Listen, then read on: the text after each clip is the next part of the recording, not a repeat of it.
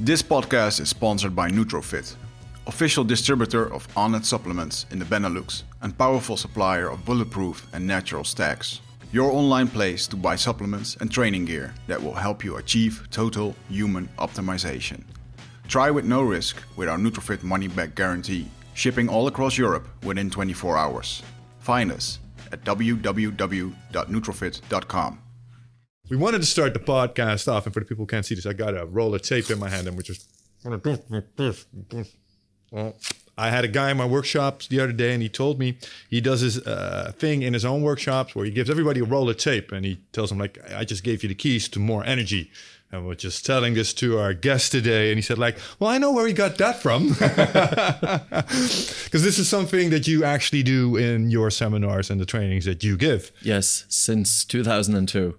Nice. So for 17 years, um, we've really, I would say that, um, especially in the Buteyko world, put taping of the, the mouth on the map. And it's been kind of like people thought we were weirdos at first, but then the clients and students would come back in, and the one thing they report is if your mouth is taped shut, you wake up feeling refreshed in the morning. And that was a key aspect. And coming back to me, like I was a mouth breather for 20 years.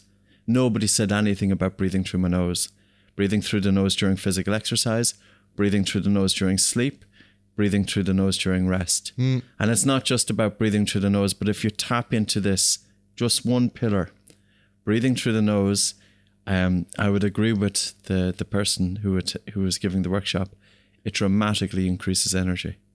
Wow. Yes. Well, I think that gives people an indication about what we're going to talk about today. We're going to be talking about uh, breathing. Today in the studio, we have Mr. Patrick, and you're going to have to help me with the pronunciation because when you say it, it sounds wicked cool. It's McKeown. McKeown. McKeown, Oh, I hope I did that right. Yeah, you did it pretty good. and um, you're uh, an author uh, with a spe- uh, your your specialty is breathing. Yes, yes. So I came across it by purely by accident. Um, I had chronic asthma when I was a kid, Okay. all the way into my mid twenties. And if you have inflammation of your lungs, it's not just isolated to the lungs. So I had a chronic nasal obstruction, and then my sleep is impacted. Anybody with a stuffy nose, if you have hay fever, if you have kind of any sort of stuffiness of the nose, which is causing you to breathe through an open mouth, you're 1.8 times more likely to have sleep problems. So during my childhood and te- teenage years, I never reached my full potential. And for me to get grades in school, I had to be working about 10, 12 hours a day. Because if you don't have the energy, if you don't have adequate sleep, your day, the following day, you're not up to par. You don't have the focus, you don't have the concentration, you don't have the ability to retain information. Um, and you're not in the mood because you know it yourself. If we have a bad night's sleep, we're not the calmest the following day, whether we are a child or an adult. The mind is more agitated if sleep is impacted. Mm-hmm. And you know, it's funny. People come into me and they come in with depression and they come in with high anxiety. And uh, I often ask them, like, how do you wake up? How do you feel when you wake up in the morning? And they say they wake up absolutely exhausted. And I said, Has your doctor ever asked you about your sleep? And they said, No. And I think it's because the doctor is assuming it's the depression which is causing the exhaustion, or the high stress is causing exhaustion, mm-hmm. or anxiety is causing exhaustion. No, there's a feedback loop here. Exhaustion is feeding into depression. Exhaustion is feeding into anxiety. Exhaustion is feeding into high stress. How can you fulfill your obligations and your role every day unless your sleep is right? Mm. And if you're not able to fulfill, if you're not able to perform, if you're, you know, you're obligated, whether it's family life, whether it's work life, whether it's college life, you need to have the absolute capacity to have 100% of your attention doing what you're doing. Mm-hmm. And if we're tired, we don't have our full attention doing what we're doing. Our attention is stuck in our heads. Mm. And this is where the breath comes in because, in terms of it's not just about following the breath. And I have to say, there is so much nonsense out there about breathing. Mm. There is so much misinformation. And people are teaching breathing exercises. They don't know what they're teaching. And the science behind it, they are it's not true what they're saying. And that's what I want to explore. Oh, we want to explore the intricacies and turn upside down some of the information that's being out there. Because what's out there is not necessarily correct. It must be hard to correct a way of teaching, way of science that's been teaching that has been teach for for many years. Um, Yes. Yes, but if you were even to look at, say, yoga, for example, many people do yoga and maybe instead of a gym. And why do people do yoga? They do yoga for health, for well being, for handling stress. But when you go to a yoga studio, all too often the emphasis is on the biomechanics of breathing. yeah, So it's all about lateral expansion and contraction, breathing using your diaphragm, taking big breaths. That's good. But in the process of the biomechanical aspect of breathing, the biochemistry is sacrificed mm-hmm. because the students are told to breathe harder, breathe more air, take bigger breaths. If you take bigger breaths, that doesn't increase oxygen uptake and delivery. It does the opposite. How should we breathe? We should be breathing in and out through the nose. It should be silent, it should be regular, and it should be driven by the diaphragm.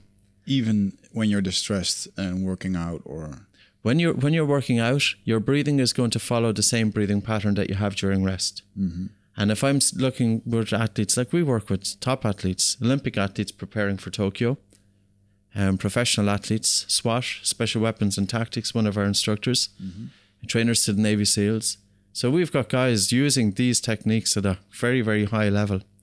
Because if your everyday breathing is off, your breathing during physical exercise is off. Mm-hmm.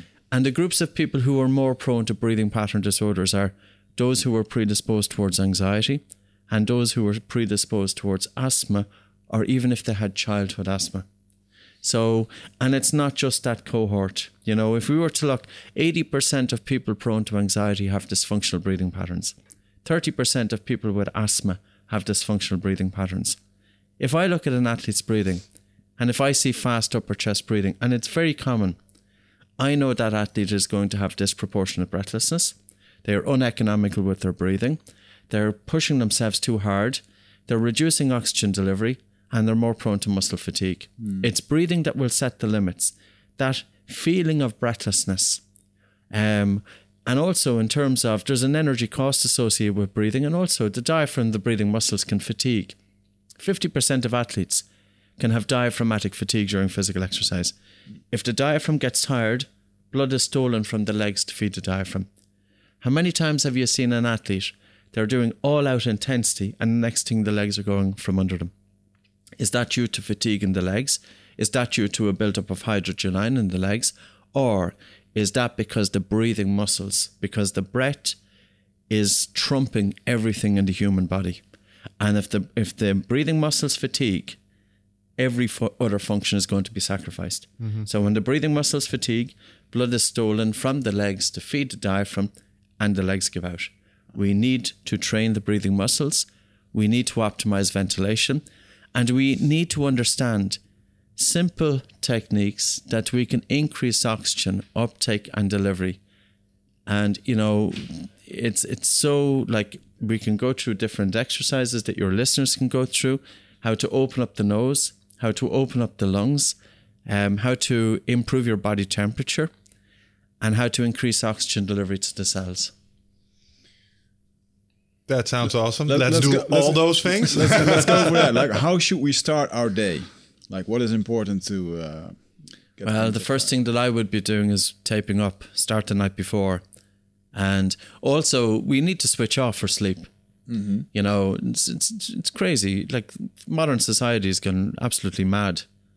People are stuck looking at phones. Um, they're in a constant state of distraction.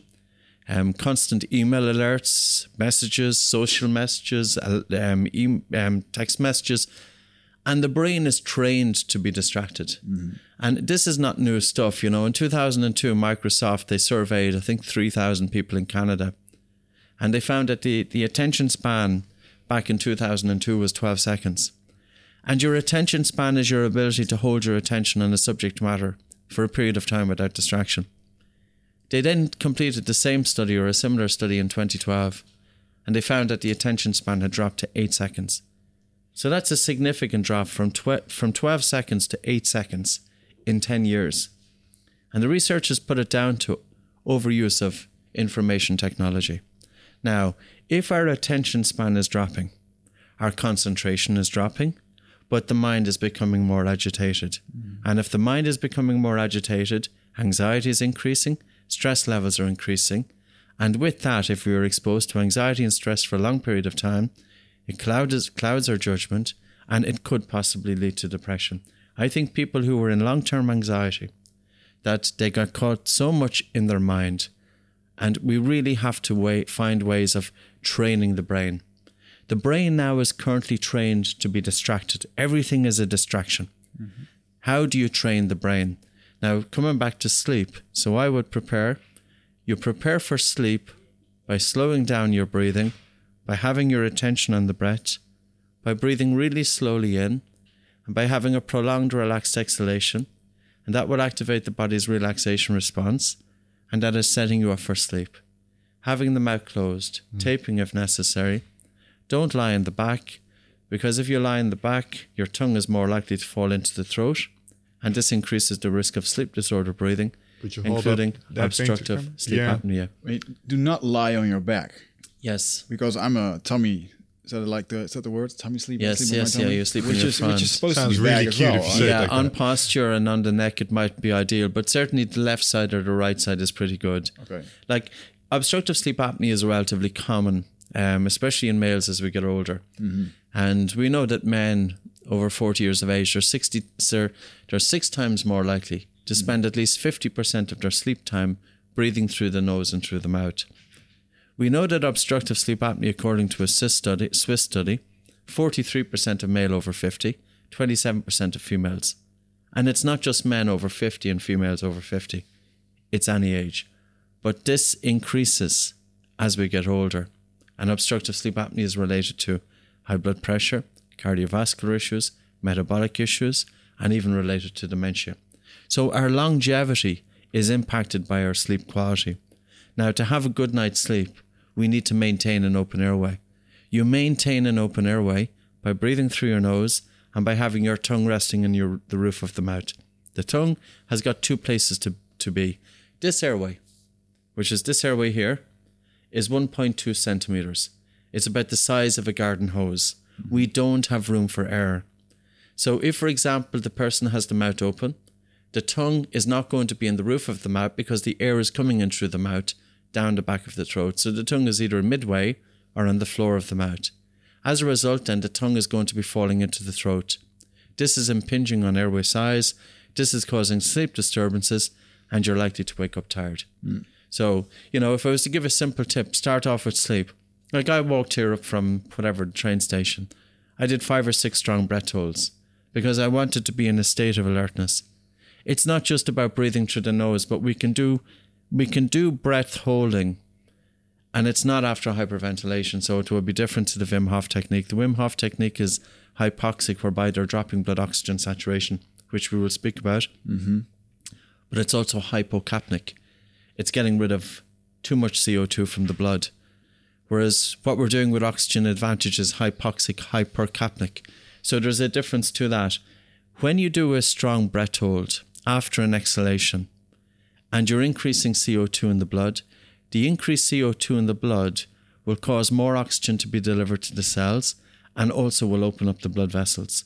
People talk about carbon dioxide, they say it's a waste gas. Bring in as much oxygen as you can, get rid of as much carbon dioxide as you can. 1904, Danish biochemist Christian Bohr, he said the carbon dioxide pressure in the blood is very important. As carbon dioxide increases, blood pH drops, and red blood cells release oxygen to the cells. Mm. It's not just enough to have oxygen carried in the blood.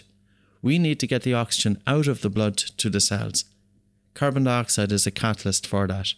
And if you're breathing hard and taking big breaths and opening your mouth and filling your lungs full of air in the belief that it's good to take big breaths, you're not increasing oxygen uptake in the blood. You can prove it using pulse oximetry.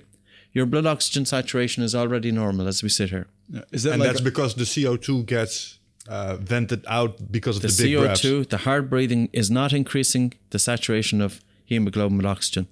The hard breathing is increasing the amount of oxygen dissolved in the blood, but the amount of oxygen dissolved in the blood is only 2% in general. But the hard breathing is getting rid of carbon dioxide. Exactly. And it's the loss of carbon dioxide that's causing blood vessels to constrict And it's the loss of carbon dioxide that's causing red blood cells to hold onto oxygen more readily. Mm-hmm. I want to talk here for two hours. I want to have alertness. You know, I want to increase my carbon dioxide. I want to increase blood circulation to the brain so that I'm focused. And the breath holds you do. So basically, what you do is you exhale. Yes. You you don't breathe in for a certain period of time. No, because you'll have a stronger effect.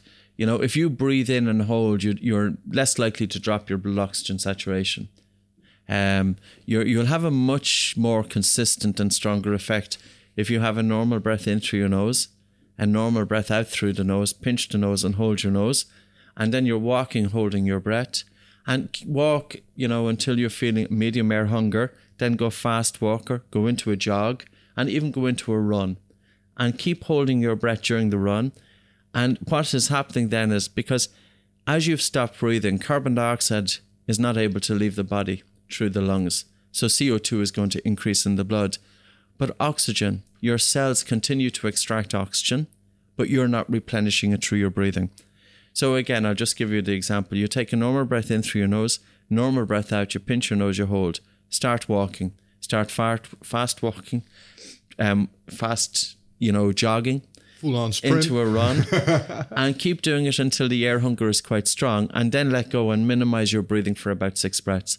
That's the ideal way to create a hypoxic response. Like, we don't want to go to the extremes of dropping your blood oxygen saturation below 60%.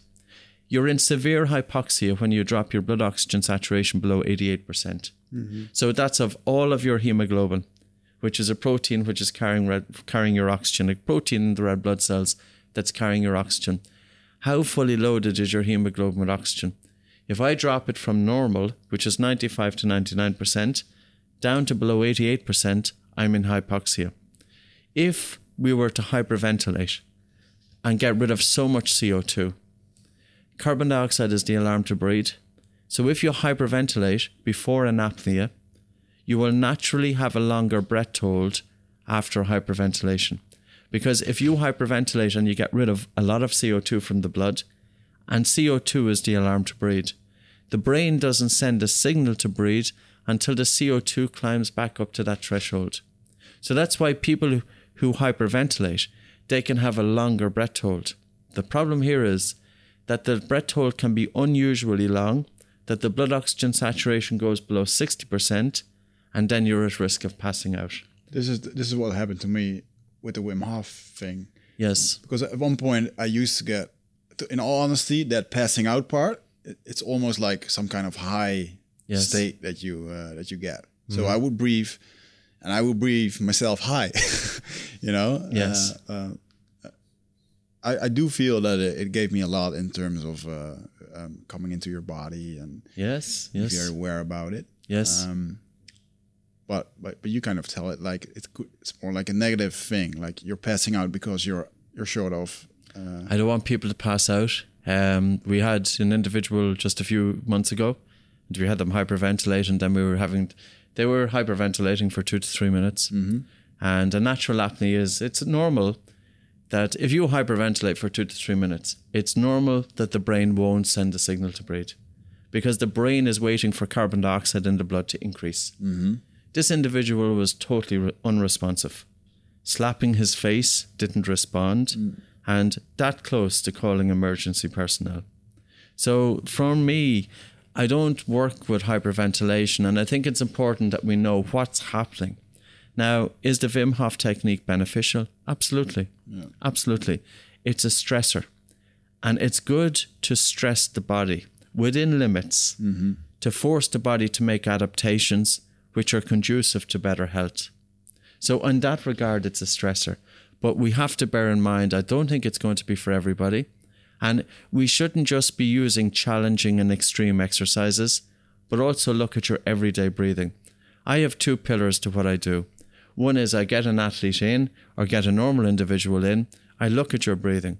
How are you breathing now? Because how you are breathing now is going to influence how you breathe during your sleep and is going to influence how you breathe during your physical exercise. I want to change your everyday breathing. Optimize your everyday breathing. That will impart benefits. Get the foundation right. Then do extreme breath holding. because we have two pillars that is important. We carry our breath with us all the time. It's very important to be connected with it. And uh, you can optimize your breathing, and it's amazing the power of the breath.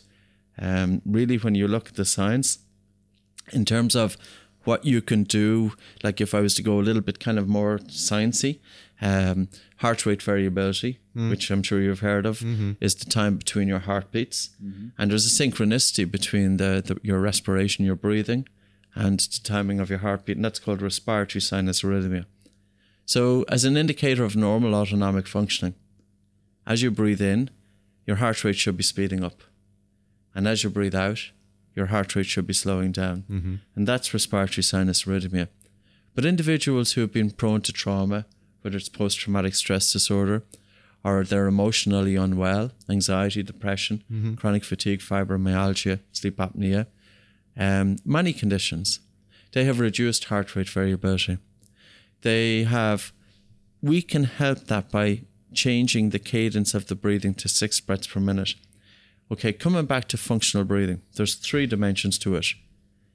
I spoke earlier on that oftentimes in yoga and Pilates, the emphasis on the biomechanics, which is one dimension. I'm not just interested in biomechanics. I'm interested in the biochemistry of breathing. I'm incre- interested in the biomechanics of breathing. And I'm interested in the cadence of breathing. Why the biochemistry? Because your sensitivity to carbon dioxide buildup determines how hard you breathe. If you have an athlete and if they have a strong sensitivity to carbon dioxide buildup, they will have disproportionate breathlessness during physical exercise. You can measure your degree of breathlessness by measuring the BOLT score. We call it the body oxygen level test. Mm-hmm. You get a timer, you maybe it's your stopwatch or your phone. Take a normal breath in through your nose, a normal breath out through the nose. You pinch the nose with the fingers. You're timing it in seconds. How long does it take for the brain to send this impulse to breathe? You'll feel the first stress to breathe and let go. That length of time will give you feedback of your chemosensitivity of the body to carbon dioxide. If you have a strong sensitivity to carbon dioxide buildup, your breathing is hard because it's carbon dioxide that drives your breathing. So I want to get an athlete or I want to get any person in, whether they have anxiety, whether they have asthma, whether they are in sports, slow down their breathing. But not only slow down the breathing, reduce the volume of air that they are taking into the lungs in order to increase CO2 or carbon dioxide in the blood, to expose the, the brain to higher CO2, to improve the body's tolerance of carbon dioxide. The BOLT score increases and breathlessness during physical exercise decreases. Hmm. I've seen Olympic athletes measure their breath hold time and they show me 12 seconds. I say, How on earth did you compete at that level? Because their breathlessness must have been to the extreme. They had nutritionists, they had psychologists, they had strength and conditioning coach, they had medical professionals. Nobody was looking at their breathing. All too often, it's seeing that we breathe, and the way we breathe, that's the way it is. Our breathing is very susceptible to um, changes in life. Talking, people who talk for a living, they are often exhausted at the end of the day talking. Why? Because if you talk for a living, your breathing is hard. And if your breathing is too much, you're getting rid of too much CO2 and you've got reduced oxygen delivery to the brain. That's why talking causes exhaustion. Mm. It's not because of having to concentrate. Like, you know your subjects inside out. People know their subjects inside out. They could do it on autopilot, but it's the effect that talking is having on breathing. Stress changes breathing. When we get stressed, our breathing gets faster, upper chest, harder, irregular. And the same pattern of stress breathing are the same traits of somebody with dysfunctional breathing patterns. Look at MMA fighter Conor McGregor. Mm-hmm. Look at his breathing. Go into YouTube and look at his breathing when he's sitting down doing a press conference. He's not competing. He should be relaxed. Just watch his breathing. You will see fast upper chest breathing. That's exactly the wrong type of breathing. The wrong If- one. Wrong. Oh, I thought you were going to take him as an example who's doing it. No, well. Yeah. it's an example of what not to do. And that breathing, how would I predict that that breathing is going to play out? That athlete is going to gas out too soon because their breathing is already disproportion, disproportionately um, during rest, and it's going to be taxing during sports. And these are simple things, and that's why I would like to, you know, to create awareness of the importance of what can you do to change your breathing. So, in coming back down, I know I'm talking too much, but in any event, biochemistry of breathing is about increasing your blood circulation, increasing oxygen delivery to the cells. Biomechanics of breathing is about diaphragmatic breathing with lateral expansion and contraction. The diaphragm is not just your main breathing muscle, but it's also responsible for stabilization of the spine, for motor control, for movement. So, individuals with dysfunctional breathing have dysfunctional movement, and individuals with dysfunctional movement are at greater risk of injury, lower back pain, ACL injury.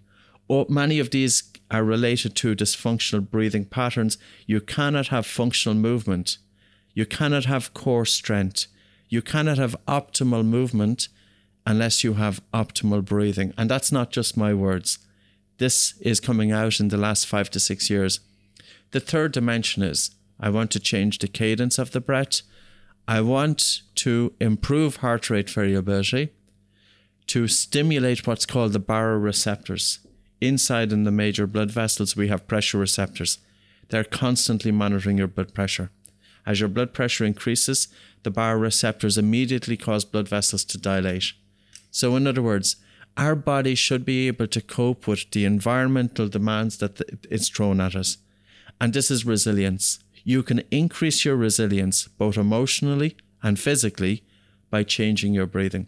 So, don't just consider breathing targeting one aspect and sacrificing everything else. You should never hear somebody breathe in a yoga studio. You should never hear somebody breathing in a Pilates studio.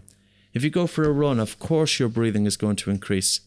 But the question is, how much does your breathing increase during that run? Mm-hmm. Are you breathing excessively? Are you breathing more than what you should be? Because if you are, you're wasting energy. Yeah, that's what I feel when um, we got into running a lot uh, the last half year, mm-hmm. um, preparing for uh, uh, the first selection of the Dutch Special Forces. We got invited by the Dutch commander here in the studio.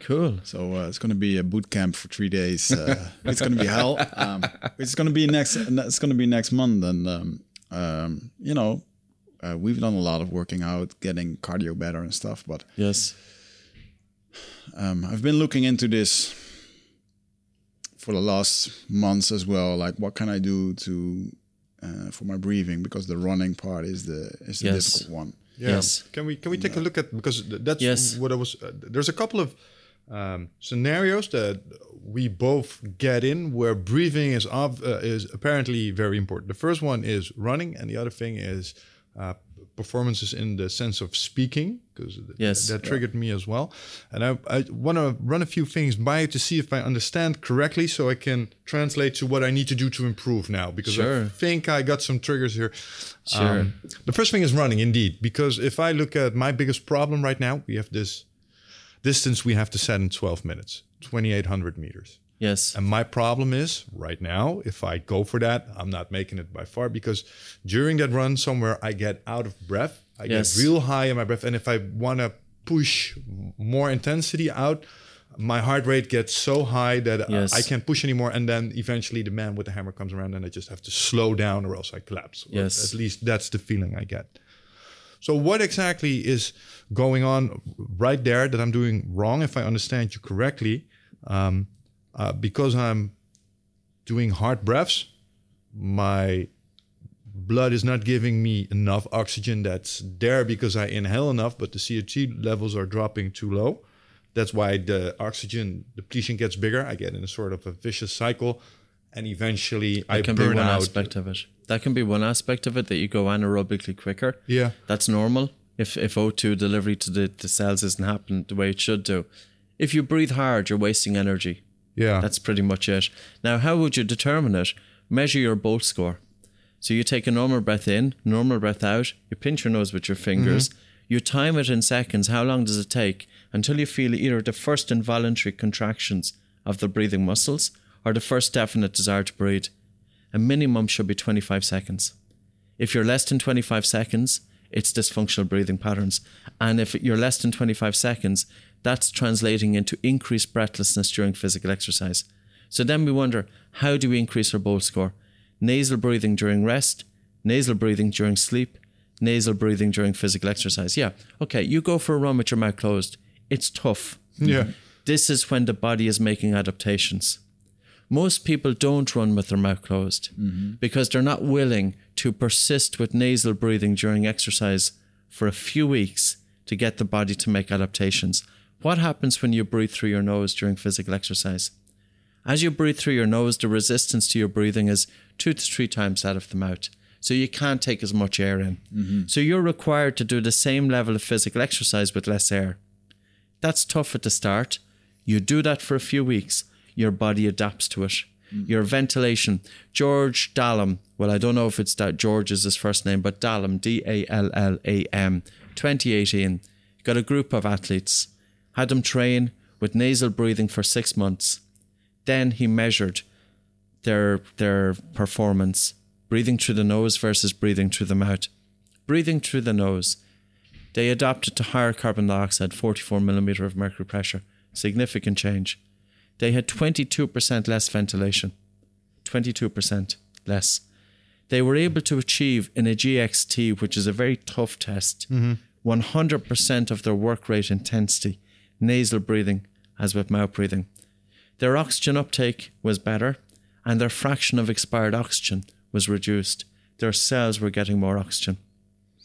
You know, so I would say to anybody, I'd say for yourself preparing, mm-hmm. I'll give you breath hold exercises to challenge the body, and I'll give you also slow breathing techniques to in order to improve the BOLT score.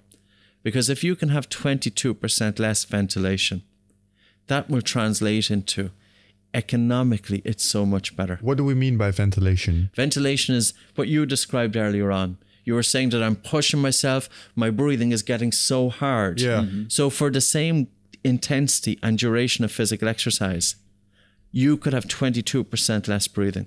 So, all right, check. So, j- just to understand better, why is my body making me ventilate more when when I start pushing? Why is it doing The that? stimulus, the primary stimulus to breathe is carbon dioxide.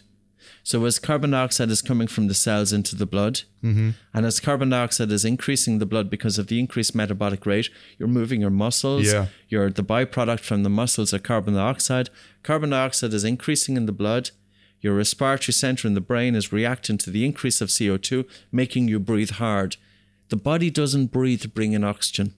The body breathes to get rid of excess CO2. I get it. But if we're overly sensitive to the increase of CO2 in the blood, our breathing is disproportionate.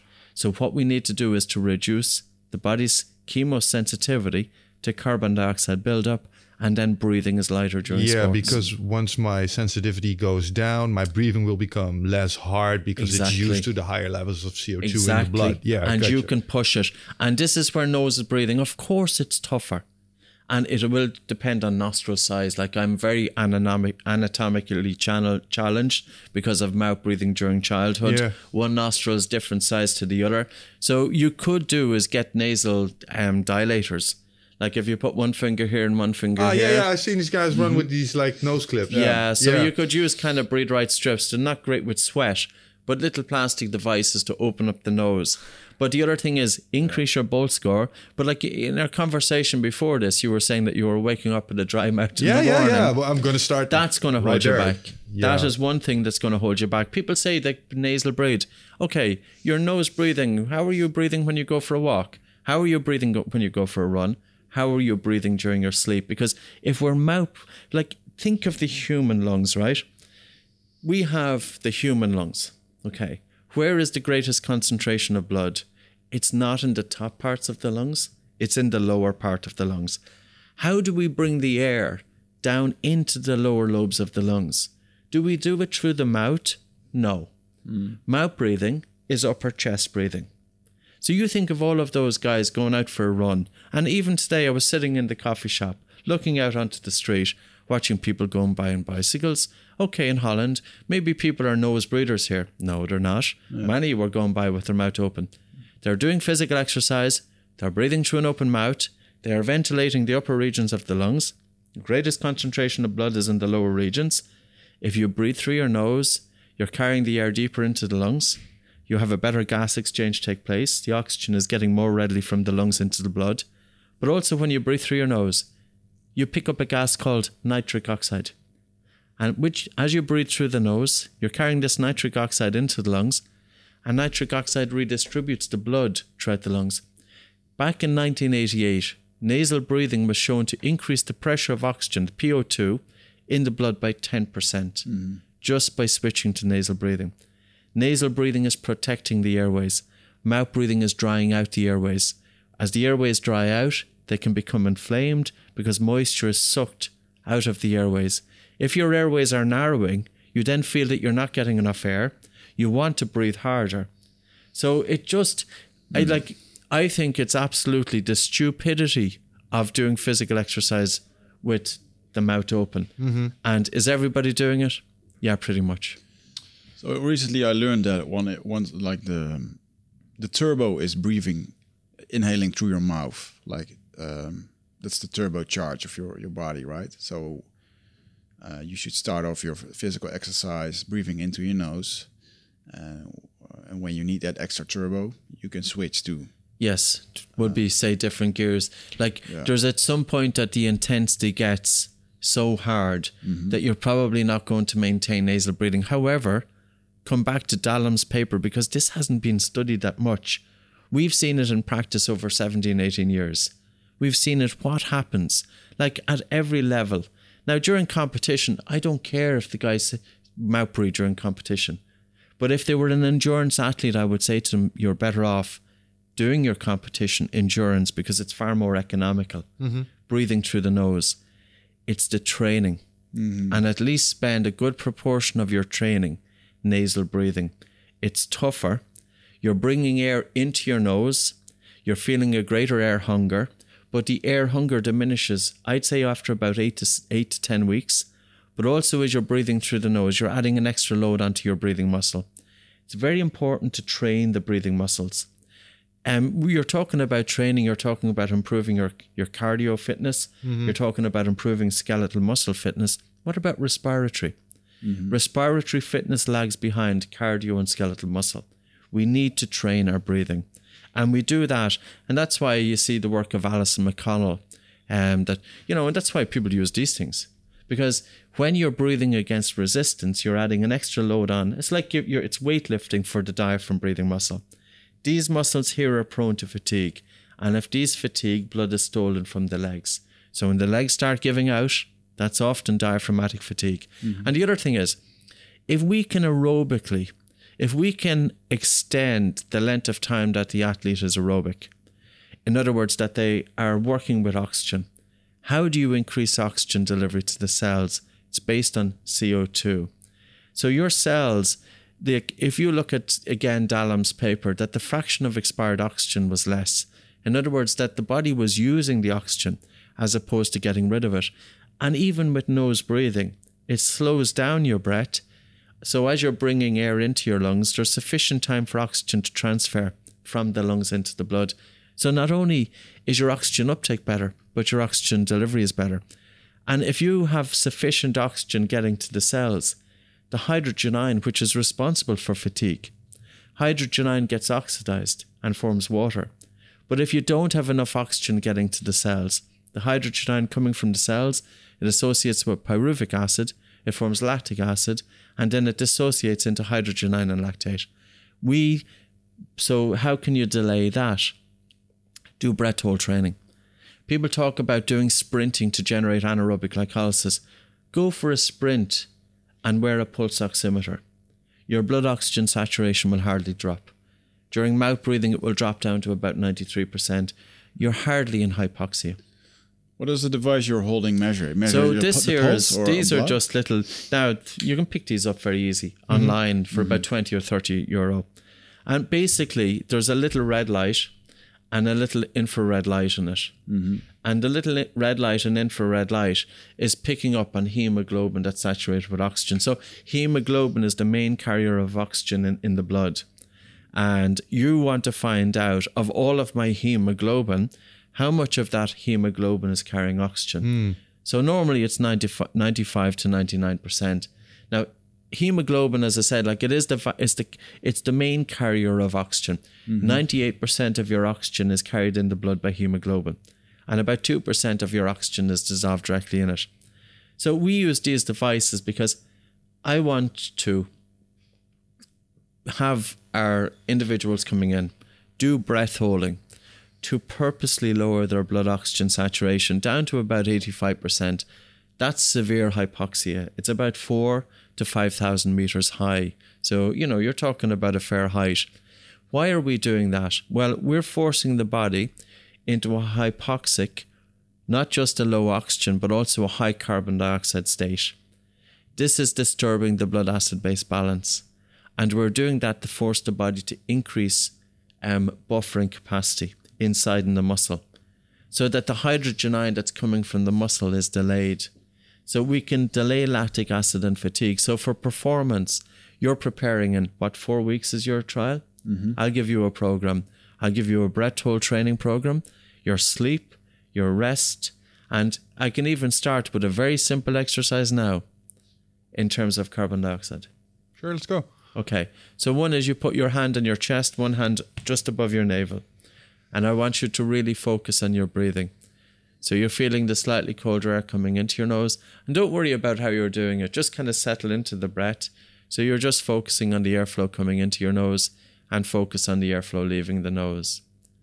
And as you feel your breathing, gently start slowing down the speed of the breath coming in. Like pay attention. How hard are we breathing? You know, get an idea of how fast your breathing is. Is it upper chest? Is it diaphragmatic? Is there a natural pause following exhalation? And as you're breathing, start slowing down the speed of the breath as it comes into your nose. Breathe almost as if you're breathing hardly any air into your nose. So you're on the in- inhalation, you're really slowing down the speed of the breath coming into the nose. And then at the top of the breath, bring a total feeling of relaxation to the body so that you're having a prolonged exhalation. So you have to have your lips together, you're breathing in and out through the nose. So you're really slowing down the speed of the air coming into the nose. And at the top of the breath, a total feeling of relaxation. Your breathing movements should be reduced by about 20 to 30%. So try and hide your breathing from me. Make sure your lips are together. So you're breathing in and out through your nose, and you're really slowing down the speed of the breath coming into the nose. You know that you're slowing down the speed of air coming in if you feel less air coming into the nose. So you're really slowing down the speed of the air coming into the nose, and at the top of the breath, a total feeling of relaxation to the body. Now you're doing it correct. The objective is that you feel air hunger. Pay attention to a few things. One is the saliva in the mouth. Is it less, more, the same? Pay attention to the internal body temperature. Are you cold or warm or the same? Pay attention to your state of mental alertness. Are you drowsy, more alert, the same? So you're slowing down your breathing to reduce breathing volume, to increase CO2 in the blood, because we are exposing the body to higher CO2 to cause adaptations in terms of achieving a higher Bolt score. This is the biochemistry. And I don't mind if people are breathing shallow or diaphragmatically, it doesn't matter during this because our whole emphasis is that you feel air hunger. I need you to feel slightly suffocated. Now, it's a balance. I need you to feel that feeling of suffocation, but not to go into stress. So, if you go into stress, kind of just take a little rest and come back to it. So, bear in mind that feeling of suffocation is not because your blood oxygen saturation has dropped. Your blood oxygen saturation is staying the same. The feeling of suffocation signifies that carbon dioxide has increased in the blood. So you're purposely slowing down your breathing to increase CO2 in the blood because you're not getting rid of the CO2 through the lungs. So the CO2 in the blood is increasing. So you're exposing your body to a slight hypercapnic response. Do you feel air hunger? That's the key. The air hunger is the key. Pay attention to what's happening the fingers internally. Is there any change in blood circulation in the fingers? Is there any change in circulation or saliva in the mouth? It's uh, tingling a little bit in the fingers. and also pay attention to the temperature. So even if you take a rest at that, now, and that would be one of the exercises that we start off with in terms of the biochemistry. We're getting individuals to really slow down their breathing to increase CO2 in the blood. Cold hands are a sign of breathing too hard. So individuals with cold hands and cold feet, they have peripheral blood circulation issues. You know, there's peripheral blood constriction. Um, that's very much a sign of overbreathing. Excessive yawning, excessive sighing. If somebody comes into me and they're sighing a lot, like I have alarm bells going off. This people is probably, if they're sighing very often, panic disorder, anxiety. And I want to change their everyday breathing, and we do that by really slowing down the breath to increase CO2 in the blood to change the biochemistry of breathing. But it's only one dimension. Mm-hmm. Then we have exercises with lateral expansion and contraction of the lower two ribs. So if you put one hand on either side, and as you breathe in, that you're just gently allowing the lower ribs to move outwards, and we shouldn't really hear your breathing. So as you breathe in, you're gently allowing the lower ribs to move out, and as you breathe out, that the lower ribs are moving in, because it takes intra abdominal pressure to push the ribs outwards and inwards. So now it's the biomechanics, but I'm not having you take big breaths. Now you're breathing deeply in the true sense of the word. You don't hear anybody breathing, and it should be in and out of the nose with the lips together. So as you breathe in, your lower two ribs are gently moving outwards. And as you breathe out, the lower two ribs are gently moving inwards. And as you breathe in, the lower two ribs are gently moving outwards, little bit of chest movement there. As you breathe in, the lower two ribs are gently moving outwards. So you're really concentrating on pushing, just having lateral expansion, not abdominal. It is normal that you will have frontal movement, but I want you to concentrate on side movements. So you're bringing the air deep into the lungs. What's the benefits of this? Diaphragmatic breathing is linked with the emotions. If you breathe using your diaphragm, we tend to have a calmer mind. Slow breathing is also linked with the emotions. If we breathe fast, the mind is agitated. And if we breathe slowly, the mind calms down. Then we would bring in cadence breathing. So, with your hands still on either side of your ribs, as you're breathing in, breathe in. Two, three, four, and out. Three, four, five, six, in. Two, three, four, and out. Three, four, five, six, in.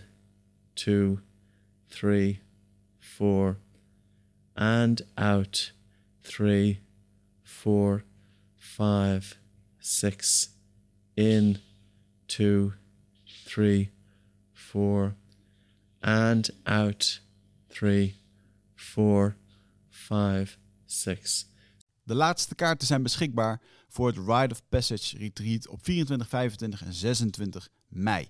Ben jij erbij? Het is een volgende stap in je persoonlijke groei.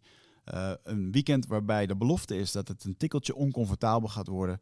Maar daar ligt natuurlijk wel gewoon de groei om meer helderheid te krijgen in je leven. Om uit je hoofd te komen, in het lichaam. Um, achter te laten wat je niet meer dient. En om echt de volgende stap te maken door de oude patronen te doorbreken, te doorzien, te doorvoelen en, en te helen. En daarvoor wil ik je heel graag uitnodigen. Uh, en ik hoop dat jij een van die laatste bent die nog aansluit bij het Rite of Passage Retreat. Ga naar wichertmeerman.nl, klik op Retreat en ik zie je daar. So that kind of gives you a sample. Now, Wichert, you don't mind me, uh, not Wichert, but Michelle, sorry, you don't mind me saying your breathing is upper chest. Mm-hmm. Um, I would say that you have your mouth open more than you realize, Mm-hmm. but it's the upper chest breathing that you're not having um, the benefit of optimal breathing. So, this would be instead of breathing slow and deep, you're more likely to breathe fast and shallow. Now, if we think about if we can slow down our breathing, oxygen uptake is increasing, alveolar, the amount of oxygen that's actually in the alveoli increases when we slow down the respiratory rate, but oxygen delivery is better. So I'll give you other techniques, um, but I'll have to get you standing and lying on the back and just different. I want to get your breathing from the chest down into the diaphragm. But it's not just about the biomechanics. We want to tie the three things in together. So, but you know, the people watching the podcast, start off trying that. Yeah. You know, the first thing is really slow down your breathing to the point of air hunger. Check your body temperature, check the saliva in the mouth. You should be becoming more drowsy because it's activating the body's relaxation response. Yeah. So when you really slow down the breath, the water the mouth should become more watery saliva, which is a good indicator of parasympathetic response. And you know, we were talking about sleep a little bit. You cannot sleep if the mind is agitated. It like I'll give you a story yesterday. I was coming here flying in from London, okay? I was down the lounge and uh, my flight was due to depart at 1920 and I kept on checking the monitor and the gate said will appear at 1950. So okay, gate is going to appear at 1950 so the, the plane is obviously delayed. At 1920 I went and checked the monitor. Gate closed. Okay. So I said, okay, what's after happening here? So in any event, they sent me, I said to the people at the lounge, I says, there's something wrong here. And I says, my plane is there, but I don't know what gate it is. Oh, they said, your, your plane is gone. You've missed your plane. I said, I've been here because I was three hours waiting in the airport. So they sent me out through baggage. And baggage, then I had to come back in. And when I was out in baggage looking for my bag, I got a phone call from the airline. And with that, then I'm sent out through security. Security wouldn't let me back in because my ticket, the gate had closed. To go back to the go back to um, EasyJet, back again. The captain held the plane for a half an hour for me Wow. um, because it wasn't my mistake. Because the monitors in the lounge, we didn't have the intercom. And I came in last night and I was saying, yeah, that's that is because I was running around for half an hour for 40 minutes. My accommodation was booked in Amsterdam. This was the last flight out yesterday. So, you know, it's normal, even though generally my ability to handle stress is pretty good. Mm-hmm. But in a situation like that bump, I could feel my mind was agitated last night. Mm. If the mind is agitated, the sleep quality is affected. Mm-hmm. So I'm lying in bed and I'm calming the mind, slowing down my breathing. I have the tools because this is something I practice. Many people have an agitated mind. Yeah. If the mind is agitated, your sleep is affected. You know it yourself. If we have a stressful day, just like that event last night, if we have a stressful day, we don't have a good night's sleep because we're twisting and turning. Mm-hmm. And here is where stress feeds in on itself because stress is affecting our sleep and then we're waking up tired and that's feeding back into stress. It's a vicious circle. Mm-hmm. So, what did I do last night? I did what you guys were doing there. I was lying there, even on the plane. When I got onto the plane, everything calming down because we can control the functioning of our body through the breath, especially with stress. Anybody who is in stress, there's a great way to counteract it. Do the three things really slow down the breath to increase CO2 because you get increased oxygen delivery to the brain. Mm-hmm. This is a calming effect. But also breathe using your diaphragm because your diaphragm has a calming effect on the brain. Bordoni wrote about this.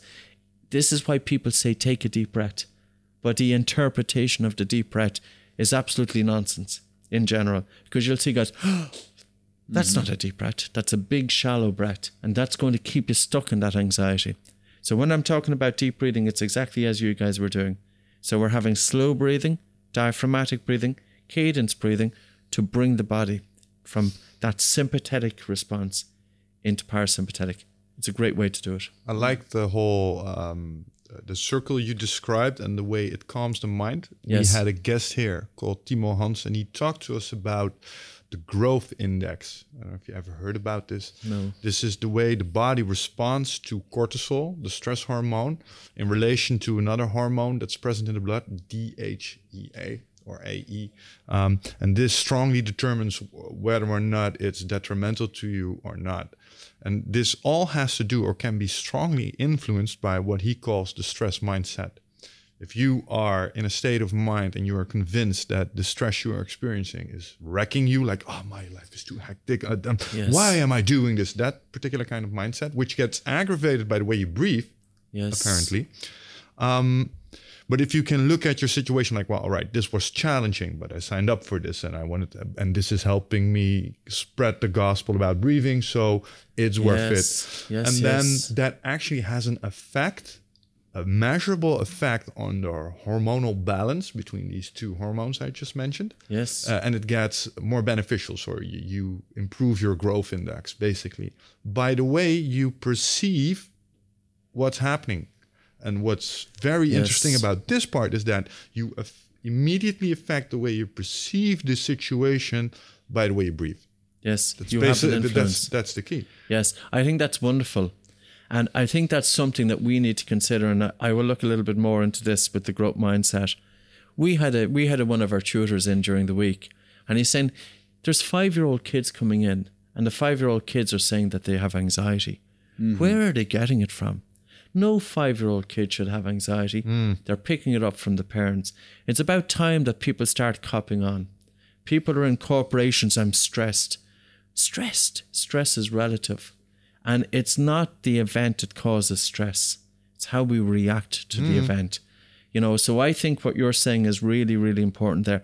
I didn't realize the link between the perception and the effect that it's feeding back in, but it makes total sense. Well, that was one of the funny eye openers I had last year because I talked to a lot of interesting people on this podcast. And one of the interesting things is that um, this guy, Timo, he kind of uh, explained to us uh, what the effect of it's, it's basically your conviction.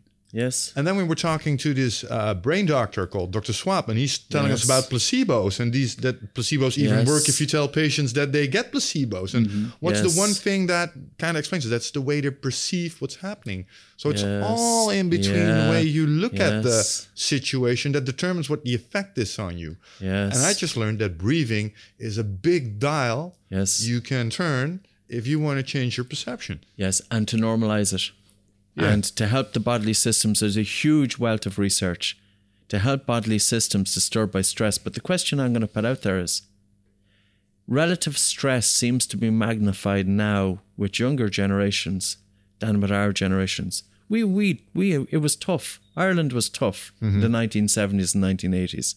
You know, it was tough economically. Um, there was it was challenging for the individual growing up. Nowadays, it's not tough. It's a No. comfort living.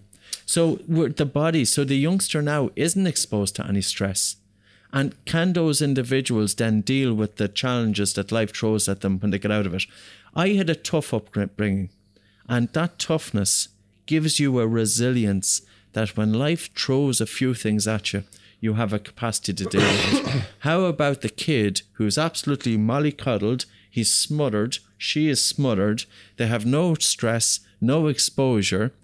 How are those kids going to live? True. they're gonna have a hard time. You can't you so. can't really blame them. But the- uh, I saw a meme recently that totally speaks to what you just said, which was basically a picture of this small uh, Hitlerjugend kid, like 17 years old. Wearing army gear uh, and a kid nowadays, you know, like seven, also also seventeen years. Like, yeah, that guy had to go to the front, and this guy, oh, your words hurt my Yeah. feelings. Like, you know, it's true. Yes. Uh, basically, it's true because the situation determines um, what you're used to and how much grit you get. Basically, yeah. And you can. The, the problem is you can only increase that by going through it. So somewhere we should be happy that the worst thing that can happen to a kid right now, if he doesn't go to the next classroom and doesn't get his participation certificate, some somehow it's great that we achieved it. But it's not helping them become stronger, and and I wonder how can you expose kids to a certain amount of Sports sports. Yeah, there you is go. the only thing. Yeah, Because you're going to have defeat, you're going to have wins. if you do it right. Well, you're going to have defeat in sport anyway. You know, you go out onto no matter what sport you have, there's chance that you're not going to get picked. Mm-hmm. These are little disappointments, and you know, even and it's all about the kid participating, and it's about the kid keep doing their best. And we have kids coming in doing breathing exercise. Like I'll have some children coming in with anxiety and asthma. I never care about where you're starting, but I want you if you're coming in as a youngster, I want you to give this your best shot. Mm-hmm. I want you to challenge yourself because this is how we learn and this is how we grow. Like I realize that a certain amount of too much stress is not good, mm-hmm. but it's little teaspoons of stress because our objective is, and I'm a parent, and my objective is that I can prepare children and my own kid for to be able to face life, to be able to cope with it out there. Yeah. And if we're not doing that, this whole mollycoddling thing now has gone to the, Is- the is- extreme. However, sport enough to emulate, like uh, you you said something about Ireland when you were young. Yes. I think it's different than uh, Holland when I was young. But uh, is sports enough to emulate that certain type of stress? I don't know what's what's so particularly bad I about it. I think you're going to be exposed to disappointments. I think it gives kids the resilience. If you want to excel, you have to practice. Mm-hmm. It's not going to happen overnight to you. You know, you're not going to become an instant swimmer by swimming two sessions today. You have to keep at it. So there's longevity, there's resilience there. Like our society is now is all about instant gratification. Mm-hmm. Like somebody sends me in an exam to correct, and we're correcting exams, and my schedule is, is pretty crazy with travel and things like that. And four weeks later, I don't because I have a backlog of exams. Why isn't my exam corrected? Well, it's I can only do so much because there's an expe- expectation there. We hit a button on the, the website, we get it delivered today. But this instant gratification, you know, this is short term fix. We have to be looking at what is the long term here, you know, and training kids. I think sports is the big aspect. And the other thing I'll say is no child, I'm going to tie it back into breathing. Mm-hmm. No child who is persistently breathing through the mouth is going to reach their full potential. Here is why I, I will explain. 60% of the growth of the child's face is achieved by four years of age. 90% of the growth of the child's face is achieved by 12 years of age. A mouth breathing child, they don't have their tongue resting in the roof of the mouth, and as a result, their tongue isn't supporting the growth of the jaws, and isn't supporting the growth of the face, and isn't bringing the jaws forward. So, a mouth breathing kid, their face is more likely to sink downwards. I was a mouth breathing kid.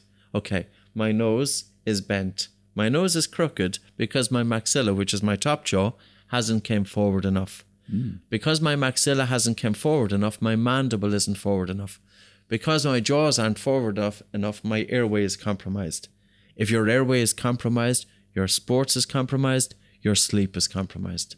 So with children now, and I would say it's like any parent that has kids, if the kids are mouth breathing, show them different exercises to decongest the nose, which I can show you now. And we will have a children's, we have a children's online program free of charge. Um, that any kid can do the exercises, that there's absolutely no charge to it. Does because it involve taping up the this is an mouth? interesting one. Since 2002, we have You been can get charged for that. since 2002 we were taping mouths yes now but i've changed um, the last the my last few years like i had to get children breathing through the nose Yeah. but we get the kids taping during the day because i wanted that form that neuroplasticity when the child is distracted when they're watching tv and like yeah like i admit you know we've had kids and i taped up my own kid um, when she was three and four and five years of age, and she continues to wear the tape.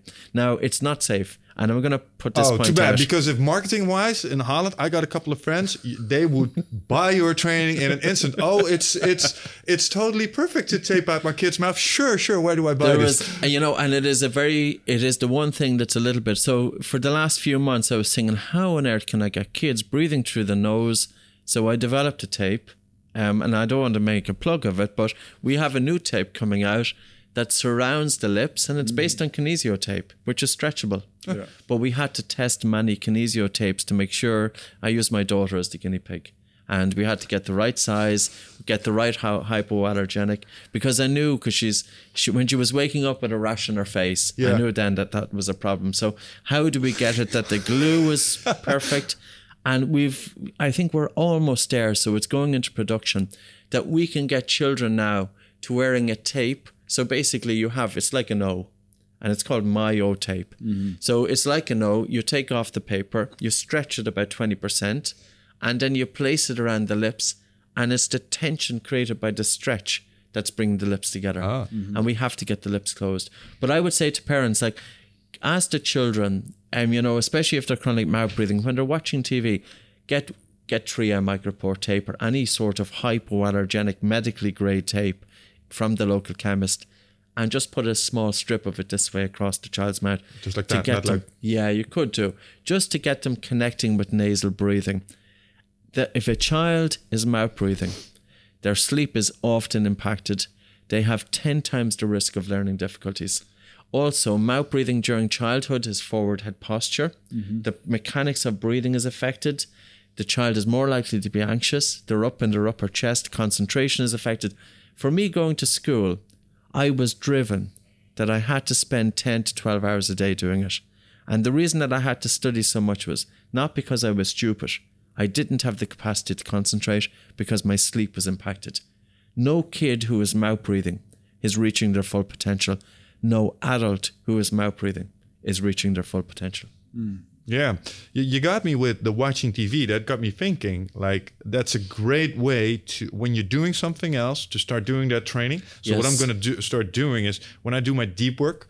Um, when I sit behind a computer and I do focus work, I'm just going to tape my mouth shut, Yes. which is probably going to increase the amount of focus I can generate in that particular couple of hours. Well, you'd be more likely to breathe using the diaphragm. You're more likely to breathe slower. And I would say that your resilience will be better as opposed to fast. Like, how do we breathe when we're stressed? Fast upper chest breathing. Mm-hmm. Well, if an individual is mouth breathing, they're breathing fast in upper chest. That's fight or flight response. I I got a question about that. Uh, sports was related about um, qu- quick breaths. One sport I have to think about all the time with, with na- um, mouth impairment is uh, you, you talked about Conor McGregor. Yes. Fighters. Yes. So what fighters do, they have these mouthpieces. So they, when I wear a mouthpiece, I breathe in between my mouthpiece. I'm going to switch more to nose. But what these guys also do, and I was wondering what you think about that and uh, if that's a benefit or not. I'm taught how do how are you taught to breathe when you punch? If you go back to your kickboxing training, You exhale. that's you're supposed Yes. to exhale with the, and you can go way longer if you do that right.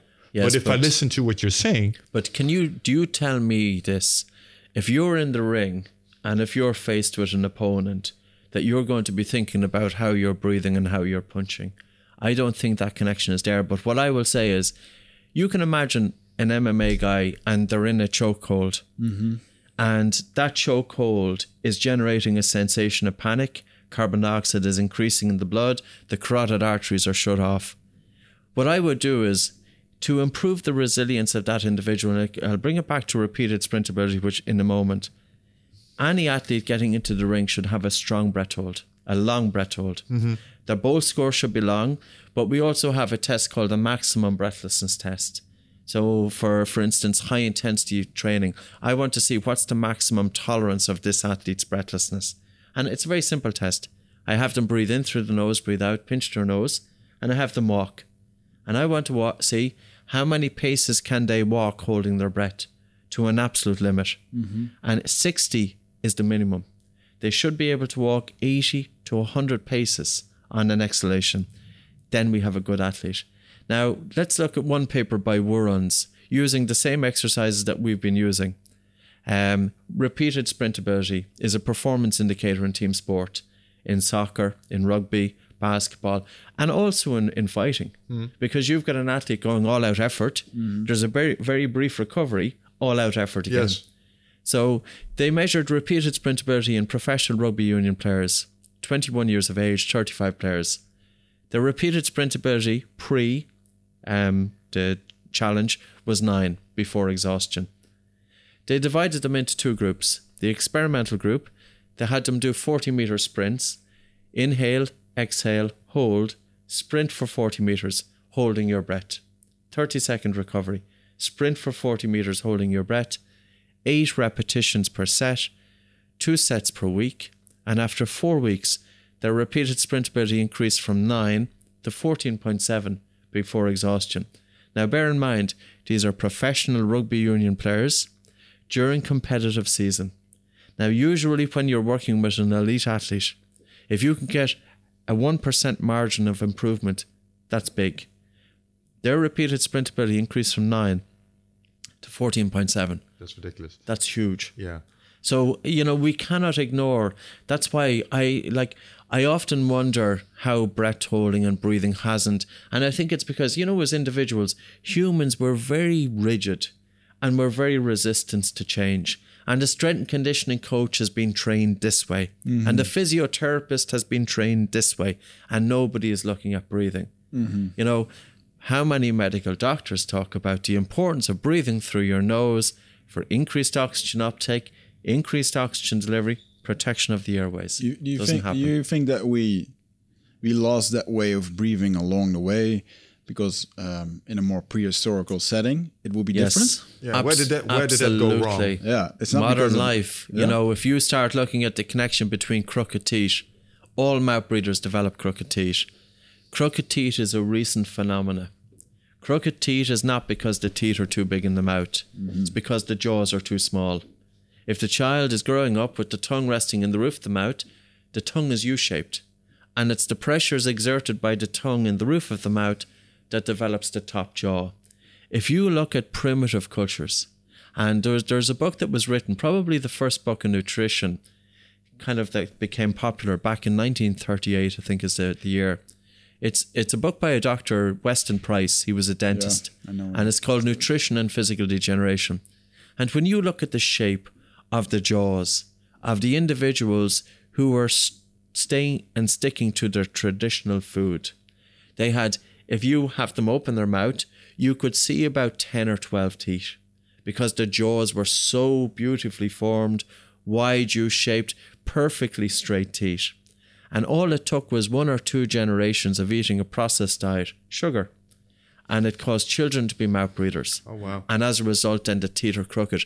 Like children, it's not genetics that are causing crooked teeth. Why are we blaming this on genetics? Yeah. It's the environment, it's the change in our food, it's probably lack of breastfeeding hmm. because breastfeeding is also important for the development of the muscles necessary for craniofacial growth. It takes effort for the baby to take the milk from the breast, and it's a workout for the jaws. Breastfeeding is not about just nutrition. Breastfeeding is about the development of the face. And the other thing is the food that we're eating. Like, what are we eating? How many McDonald's are here? How many Burger King? Pre chewed food, total crap. We're putting it into our mouth.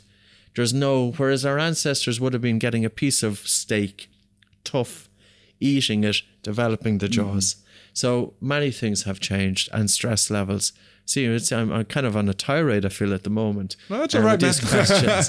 but but you see that it has changed. But I'm coming back to this. Functional dentists, if any child is embarking on orthodontics, make sure that the child does not have a teeth extracted. The problem is not that the teeth are too big. The problem is that the jaws are too small. So a good dentist, and the earlier the child is intervened, the better. And here's where the orthodontic profession, you've got two schools of thought. You've got one orthodontist that believes that the teeth are too big. Let's extract teeth. Hmm. Now, in the extraction of teeth, what happens to jaws? They become even smaller again. Yeah. And what happens to the airway? It becomes smaller. We have seen kids coming in. Now, I'm talking about kids, they're in their 20s. They had orthodontic treatment at 12 years of age, they had teeth extracted, and their sleep deteriorated post extraction. You have another school of thought. Let's put in maxillary expansion. Let's gently widen the jaws. Let's direct the growth of the jaws forward because it's not just about the teeth, it's about the airway. Hmm. And you have individuals, Dr. Bill Hang from California, he's an orthodontist, and for I would say three decades, he has been looking at not just the teeth. He wants to know about the airway, airway focused. Um, Dr. Mike Mew, Dr. Professor John Mew, and you've got individuals, and these now are challenging the orthodontic profession. And here again is resistance to change because the university trained orthodontists, and by the way, these guys are orthodontists, but what they're saying is that what they learned in university was not correct. Mm-hmm. Who is doing the teaching in universities? But oftentimes they're guys in their own little sheltered environments and that they're not, you know, we, it's not just about the academics, but it's also about the clinical experience of working firsthand with clients. Mm-hmm.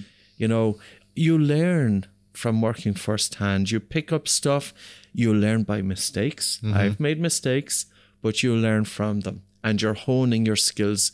And this may not be like there's very little research looking at the instance.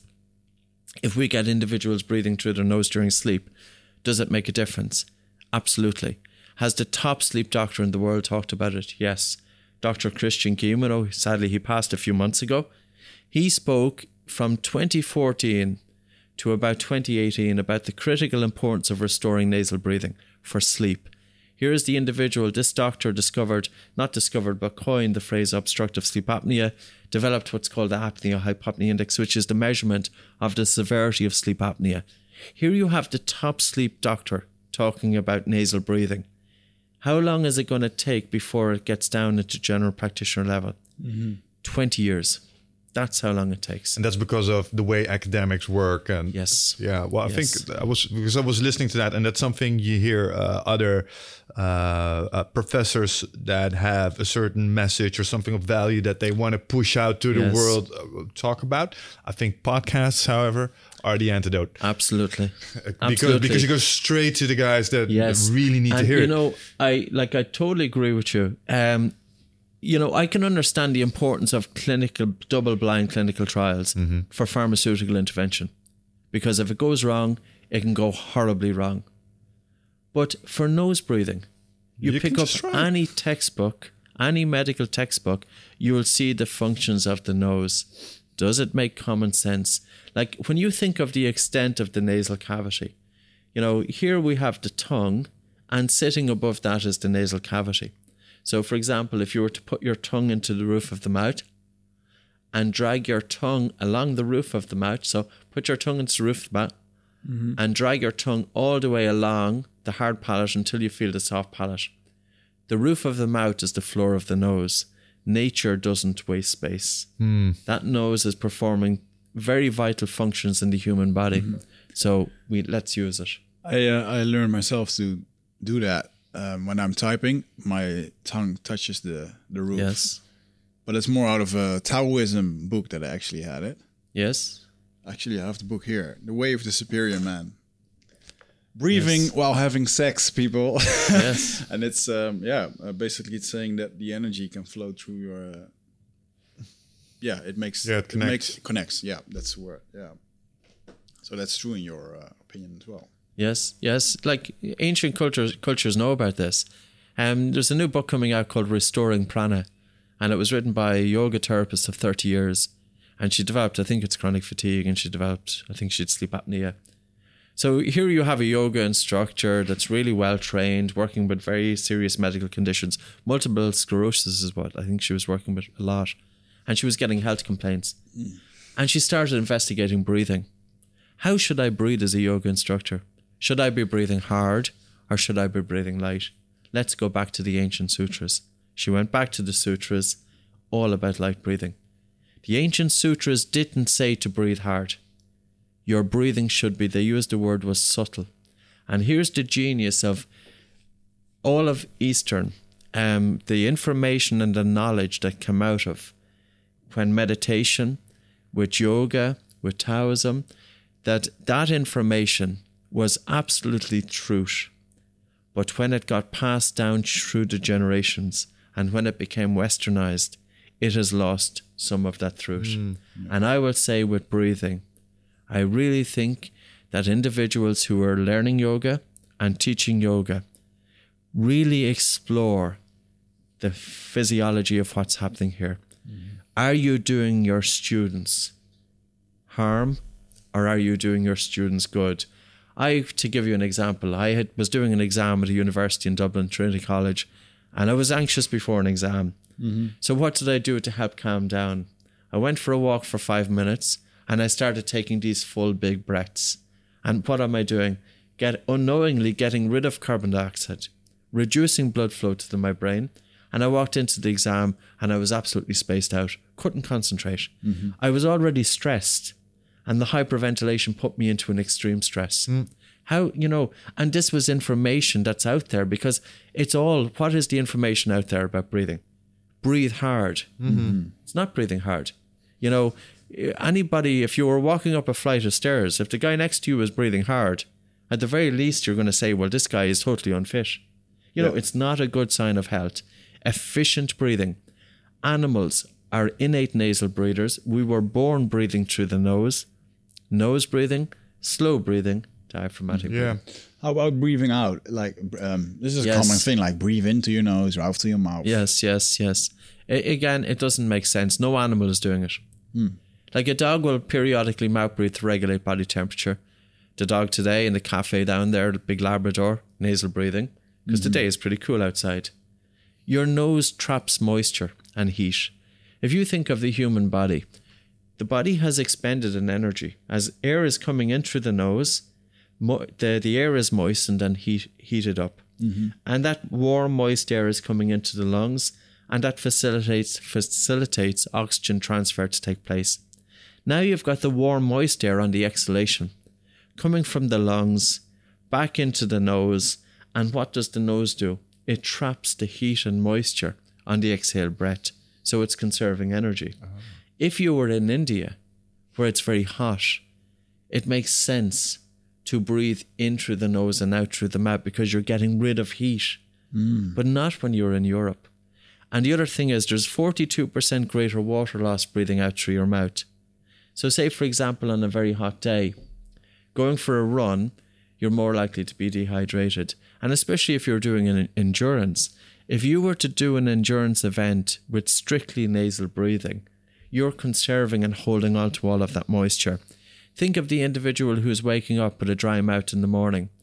That dry mouth, there's there's a reduced saliva in the mouth, bacteria is more rampant, contributing to bad breath, contributing to inflammation of the gums, traumatizing the airways, and also increasing dental cavities. Mm-hmm. Runners, endurance runners, I would say that any dentist who's looking into the mouth of an endurance runner, because that individual is mouth breathing and dr- having a dry mouth, that they will have increased dental problems. Interesting. I've got one more question about the running, and then Yes. I want to ask something about um, the the breath um, in relation to uh, mental performances and speaking. Yes. Because I'll, I'll not forgive myself if I do not ask. Because since we started running, we started uh, working with these watches. One of the Okay. things it tells me is my heart rate zone, but it also every now and then uh, either compliments me or scolds me when my VO2 max changes. What's VO2 max? Yeah, so VO2 max is the maximum capacity of the body to, to transport and to utilize oxygen. All right. So what's the maximum capacity of your body to, you know, as oxygen is transferring from the lungs into the blood and also to utilize that oxygen from the blood to the cells. So that's VO2 max. Mm-hmm. Can you increase it? Some studies are showing that breath holding, yes, it does, because if you expose your body to intermittent hypoxia, mm-hmm. so you breathe in, breathe out, you hold your nose, and you're lowering your blood oxygen saturation. Your kidneys become hypoxic because there's not enough oxygen and blood flow getting to the kidneys. And your kidneys synthesize a hormone called erythropoietin, EPO, EPO. Hmm. And this was what, say, the Tour de France guys would have been taking.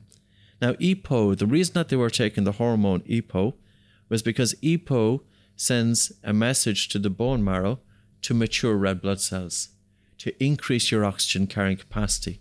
And if you can increase your oxygen carrying capacity, you can increase your VO2 max. Now, there's quite a few papers showing that yes, we can increase hemoglobin and hematocrit by doing breath holding. There are some non responders. Hmm. So that's why it's not always specific, but we have seen some individuals that their hematocrit was up to 55%. And I'm saying, okay, now this is even going too high. So that's one aspect of VO2 max.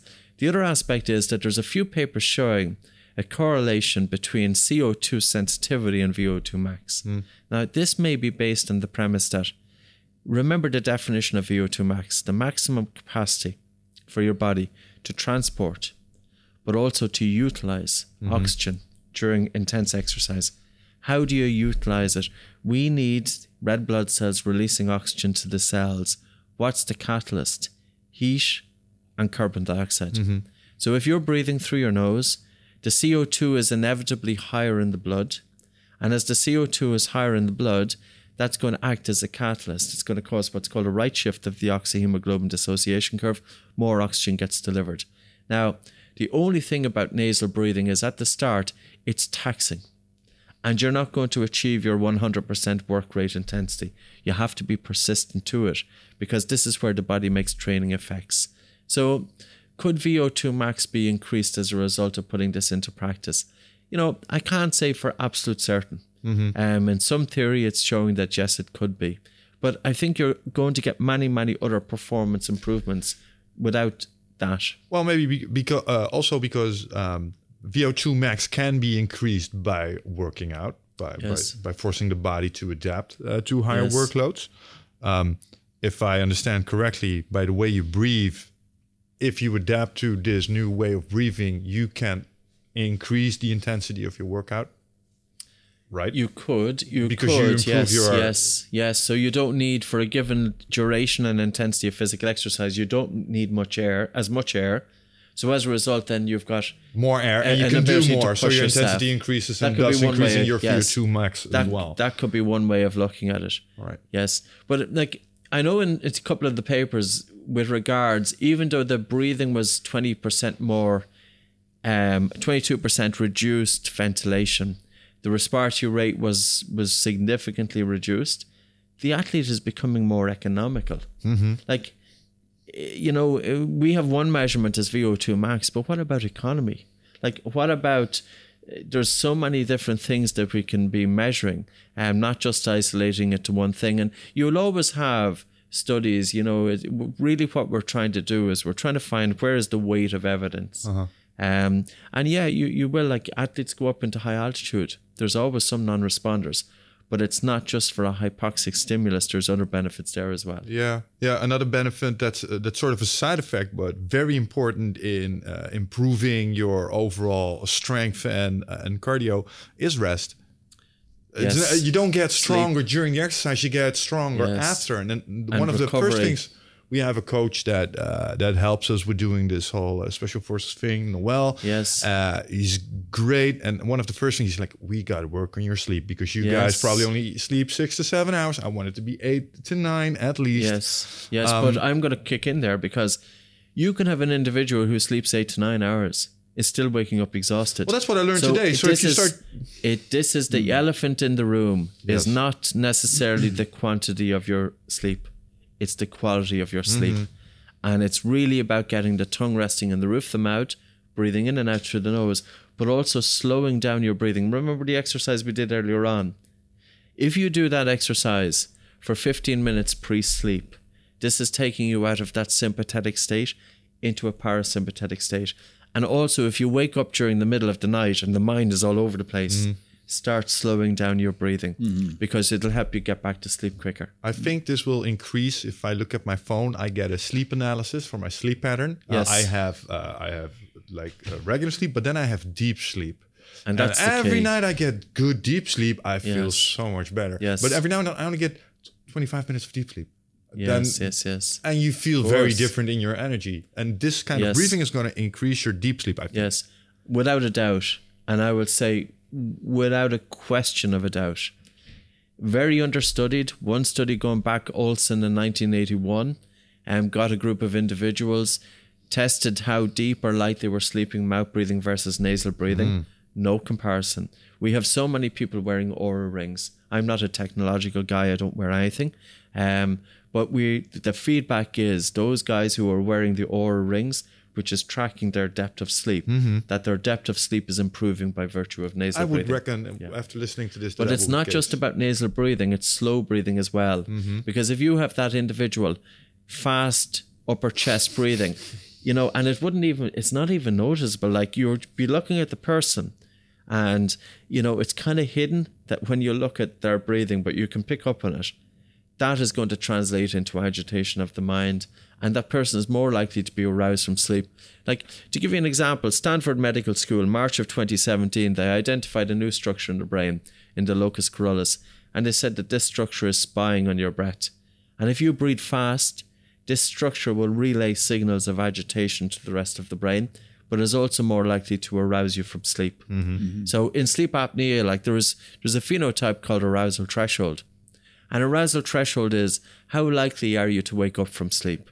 So, say for instance, uh, if you're snoring, does that waken you up from sleep? And if it does, it's a problem because then you're waking up exhausted because you've got continuous sleep fragmentation. We want to have deep sleep and we want to have a decent duration of deep sleep. So, for training for the special forces, without a question, sleep and recovery are huge. Yeah, exactly. All right. All right, great. Um, that that explains a lot. That was clear. Thank you. Um, the other thing I wanted to ask about, and you mentioned it in the uh, the success tip we recorded earlier, but I had to write it down immediately because it's just too good not to have at least a little bit of a talk about. Um, if you look at what we are both doing uh, next to the podcast. We give workshops, we give trainings, we give seminars. Um, he's a public speaker now. And um, you gave uh, a, a success tip about certain breath techniques that allowed you to tap straight into the zone. Yes. Uh, and that's that, uh, that, that was basically you described the flow state. Yes. Which is like the holy grail of productivity. Um, Yes. So I wanted to zoom into that a little more because that's just too good to Yes. not yes. When people talk about the zone, how are they talking about it? Are they talking about it on a theoretical level or are they talking about it on an experimental level? You you could be handed an apple and you could bite into it and taste it. That's experimental. That's experience. Or you could do a PhD in an apple. When I'm talking about the zone, I'm talking about having a practice in my life, and I don't formally meditate, um, but I connect with my breath very often at different times throughout the day. My breath is with me. As we're talking, I feel very much in the present moment, and oftentimes as we talk about the subject, it brings you into the present moment. There's a structure in the brain that anytime that I'm doing pre presentation, I can automatically bring my attention to it. I've no idea what's going on. But I think it's something that developed over time. And I did it through focusing on the breath because I remember in my 20s, I had a very agitated mind and a very stressed mind. And I didn't have a capacity to stop thinking. Mm-hmm. You know, you think about education. Education is teaching you how to think, mm-hmm. it's teaching you how to analyze, to break information into tiny pieces. It's teaching you how to think, but it's not teaching you how to stop thinking. How can we concentrate unless we have the capacity to focus? And I mean 100% of our attention on what we're doing. Like I remember studying for exams, and you could be reading, say, material, and you're reading a page, and you're looking at the page, but is your attention on the page or is your attention stuck in your head? Mm-hmm. And this is where it's really, really important that we can improve our capacity to concentrate by training the brain to hold its attention on the breath. Now, yes, the mind wanders. You bring your attention back onto the breathing. Mind wanders. You bring your attention back. And whether it's neuroplasticity, some change takes place in the brain that then when you want to tap into that, and where do I tap into it? I can feel it happening now. And I know it sounds a bit new agey, but you were saying it's coveted. It is coveted. People can't do it. And I think anybody can learn this if they give six to eight weeks. And I'm not saying will it happen in a short period of time. Yes, some studies seem to show that concentration improves in that time by simply having a practice focusing on the breath. The part of the brain that I feel my attention going into is right here. So maybe that can be explained from something else, but I don't know. Mm-hmm. And I can bring my attention immediately into that part and I can hold my attention there and I'm absolutely in the present moment that you're moving simultaneously with time. I give talks, you know, and it's always like public speaking can can be a challenge, you know, and I'd always say to people start off small um, and gently build it up. And I have my own ritual. I never turn up at a talk four or five hours behind for the event because you'll end up talking to people and you have total decision fatigue, Mm-hmm. that your energy levels are totally sucked out of you. I want to conserve my energy for the time that I'm out there on stage. So I won't turn up at a conference. If I'm talking at two o'clock, I won't turn up to that conference until about 1.30. In that morning, I'll get up early. I'll probably go to the, the gym. It's usually in a hotel. you know, and I'll do just, I'm not an athlete or anything, but I'll just do a bit of exercise. I'll come back and I'm conserving my energy the entire time. And then about an hour before the talk, I'll slow, I'll just sit, simply sit down, close my eyes, bring my attention inwards, and really focus on slowing down my breathing because this is helping me get into the zone. I'm too relaxed now, so then I do five strong breath holds. That's increasing blood flow to the brain, and now I'm absolutely focused hmm. because it's when you can get. It's really you know there's. It's almost that there's a sabotage sabotage in the mind, and that sabotages the critical doubts coming in. Mm-hmm. I never understand it with when I see a, a footballer or an athlete who has trained and practiced for 15, 20 years. These guys have performed the same movement day in, day out, back to front, and their brain has tracked and recorded every aspect of that. There's a muscle memory in there. But yet, they often fall to pieces when they get out onto the football field. Mm-hmm. And the reason being is because the self doubt and the criticism has got in the way of muscle memory. What we want to do is we want to get that criticism, get the critical mind out of the way to allow muscle memory come to the fore. And this is about being absolutely in the present moment. The brain knows what to do, the body knows what to do. After all, that's why you have honed your skills doing so much practice. We have to have concentration. Yeah. And concentration is not just going through the motions, not just looking at the thing, you know, not just being stuck in our heads. And I was stuck in my head. And you could be in a beautiful part of the country in lovely scenery. You see nothing. You're not living life mm-hmm. because you're stuck in your head. You know, and even how can you relate to individuals? How can you produce creative and intuitive works if the mind is bombarded with thoughts? Mm-hmm. Yes, how much of our thinking is actually productive? And psychologists will say that we have about 70,000 thoughts every day. 95% of those thoughts are absolutely useless. There is a time to think, there's a time to plan, there's a time to decide, but then there's a time to stop thinking. Mm-hmm. And the more you can connect with the breath, or bring your attention into the present moment, or connect with the sensations of the body. But I think the breath is one of the easier places to start. And listen, it's frustrating. We see people coming in with anxiety. They're so stuck in their head. The problem is they can't stop thinking.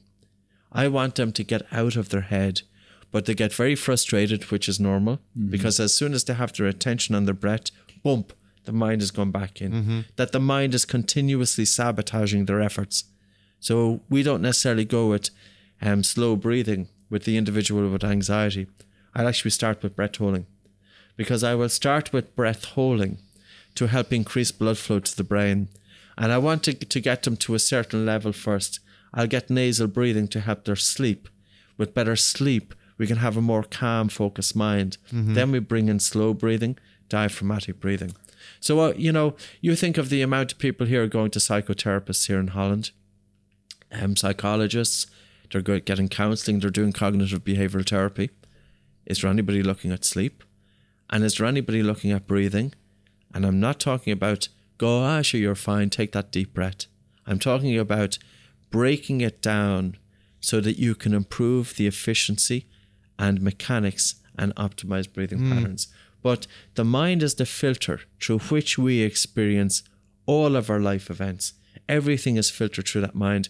The other thing I would say is make it a, a, a make it a you know a goal or an objective to pay attention to what you're thinking about, or at least have some idea of the thoughts that are going through the mind. Mm-hmm. And when you see yourself thinking the same old stuff, listen, we all do it.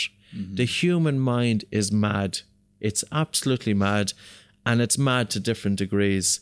And this is where the individual who has the capacity to concentrate, look at the quality of work they achieve, but not only that, if you can reduce thought activity, happiness increases. Mm. And this was looked by by professor Dan, Daniel Killingsworth, I think it is, but was through an app called trackyourhappiness.org. And basically they logged 250,000 data points and they asked questions, I think it was to 5,000 individuals. Are you doing something but thinking about something else. You know, in other words, are you sitting here and instead of actually listening, you're mm-hmm. thinking about something else? Mm-hmm. And they found that the individuals, that human beings, that their minds wandered a lot, but the individuals whose minds wandered the most were least happy. Mm-hmm. And ultimately, our goal in human life is to have some degree of happiness, and it's our mind which is creating that. Wow. Yeah. definitely. A, a great way to look at um, that that voice that you're talking about, that that, that Yes. certain uh, way of thinking. Um, the way I look at it came from a book called The Four Agreements by Don Yes, Miguel yes, Ruiz, and he simply describes it as the parasite. And and I know Yes. exactly when the parasite is talking to me. Joe Rogan has a great bit in his stand-up show where he talks a little bit like a demon. There's something in your mind that's telling you you're not good enough. It's that Yes, voice. yes. And it's very easy now to recognize when my mind is talking to me like that. Yes. I could just put it in the demon Yes. box. It's like, yeah, this is nonsense. Yes, yes. Um, but I recognized very much uh, what you said about um, we've both done talks, and you've done great talks, and you've done sucky talks. At least, and I've look, done them as well. If I look at myself, Yes. and the sucky ones were the ones where, Where I was, was conscious. I was looking at myself. I was saying something, and all of a sudden that sounded horrible. Yes. I have to recover from this. And now I'm looking at guys that are looking at me, and I'm thinking he thinks I'm he he thinks I'm in trouble. Oh God, this is looking bad. Yes, and, and yes. then I wasn't. That was not good. Yes. But the ones that were great, yeah. that particular guy was parked in the back seat Yes. and it just goes through me and Yes. i'm doing the, the thing that that triggered me was muscle memory because i've done certain talks so much you can wake me up middle of the night show me the sheet and i can do the joke that correlates to the, Yes, that yes. specific sheet yeah. but sometimes i i can't get there Yeah. and why Yeah, is yeah, that because i'm talking to myself while i'm trying to do it Yes. and once again, back to the breath. What I'm starting to take from this is that that that that voice gets more powerful as my stress levels and anxiety levels rise. I think Mm-hmm. it taps back to the um, what's it called again? The, the, the the default fight mode network okay. that, that you have, your your danger detector Yes, that yes. gets ramped up, Fight or flight. and you can pretty much tone that down by Yes. your breath. Yes. But you can, by focusing on the breath, and I'm not talking about the guy who sits down with the robes and the beads and all of this. And I think Oh, that's, that's us. Not, that's- yeah, that's personally, I think people often do this just for image. Some of them, you know, they're all dressed and they have the garb, and you know, it's not about that. It's about it's it's about bringing your stillness of the mind into every aspect of life, mm. and of course, the mind is going to go off in a train of thought, mm-hmm. but it's the degree to which you're able to take your attention into the present moment if you can reduce the incessant and repetitive thinking by 10 20%, that will make a big difference. And I think the more you do it, the more you can tap into that place that when you do go out on stage to give a presentation, you're fully there, you're fully focused, Yeah. and you're fully in the present moment. yeah, a, a great way to look at things, uh, I think, is by making uh, the comparison with marbles. What I liked about what you said about going to a talk, I have the same. If I have to go somewhere uh, and I meet a lot of people, I've already expended like fifty percent of my bag Yes. of marbles for the day, and I still ha- and I'd rather keep them for yeah, that the thing, thing I'm going to do that. you'll tend to meet the people that want to suck the energy out of you. All of them. anyway. They want so all you're the marbles. Yeah. hiding. exactly. Yeah, but but uh, imagine the amount of marbles you save if Yes. you could eliminate just half of that that particular line Only of thought. Only turn up very short time before you need to perform. Um, don't watch other speakers because that's only giving an opportunity for stress to come in. Don't watch any other talks. Talk up, turn up for your talk and your talk alone, and stay in your hotel room, and bring your attention onto the breath and conserve every bit of that energy. Going back to fighters, I don't get guys. I, I I work for Glory every now and then, kickboxing. So Yes. I'm, I'm at the ring and I see fighters uh, in their preparation towards, and I never get the guys that have to fight at the end of the evening and they're sitting in the uh, in the in the in the venue and they're watching the fights. I'm like, that's a great way to get tired. I think. Yes, right absolutely. before you have to do yes, this. it is, and it's a great way for doubt to come in. Yeah. you know, because you'll see fighters having different reactions. And I tell you, the, the mental component is huge. You can have trained every aspect of your fitness and capabilities, but if the mind isn't in the right place, it's game over. Yeah. Yeah.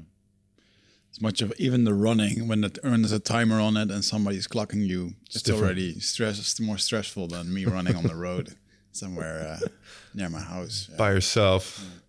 I remember there was a, um, um, I think he's from Denmark or Sweden, uh, Brazilian Jiu Jitsu black belt right now, Sebastian Brosche, and he has a famous um, platform called Yoga for BJJ, and he's well into yoga. And I remember him uh, when he was a brown belt, he was fighting in the Europeans in uh, in Rome, and I remember I saw him fighting like eight matches, high level, and he's he's high level. Um, and I remember him posting like really proudly, like today I fought eight matches uh, without breathing to my mouth, Yeah. just chewing a nose. And, and I- when I look at myself when I was on that mat in one match, yes. uh, breathing to my mouth, uh, feeling paralyzed or feeling uh, Yes, this, this yes, chaos. yes. And, uh, yeah, it was. Um, Yeah. um, it made me jealous to see how, how much calmness he brought to the mat. It, it's very important. Um, and even in terms of getting a strike, if the mouth is closed, the jaw is more stable. Yeah. In, in Brazilian Jiu Jitsu, there are no strikes, so this is just grappling tournament. Okay, okay. So um, uh, yeah, uh, but, but he he did it in a very controlled way, and yes. it's even when I see guys fighting and they're in between matches, they can look at the referee, they can count scores, they know what they're doing. They look at the time. And that never happened to me, man. Yeah. That was just uh, for me. It was just uh, after the ten minutes, I had matches where I just looked at my corner. I was like, "Did I win?" I did. And sometimes I was even surprised, like totally. Uh, you know, my whole body was going two hundred percent, and then uh, my hand would be raised, and I was like, "Okay, I I won." won. I won. I, I don't know how, but um, yeah. Um, do you think, for example, for grappling sports like Brazilian Jiu Jitsu, uh, this nasal breathing helps as well during uh, the sparring and uh, is it is Totally. it yeah Absolutely. Um, I think your ability to tolerate air hunger and to tolerate high levels of carbon dioxide. Like if you think think of you're you're you're moving your muscles, your metabolic rate is increased, the production of carbon dioxide is increased, CO two level is is increasing in the blood, and that in turn is increasing ventilation. And breathing does set your limits. So if you're able to fine tune the body, to be able to purposely tolerate a high level of carbon dioxide, it means that your ventilation is less. Mm-hmm. And also, there has to be some link between the point that breathing becomes excessive to cause stress of the mind and also to contribute to fatigue. Oh, we have a certain amount of energy. As we sit here, 2 to 3% of our VO2 is supporting our breathing muscles.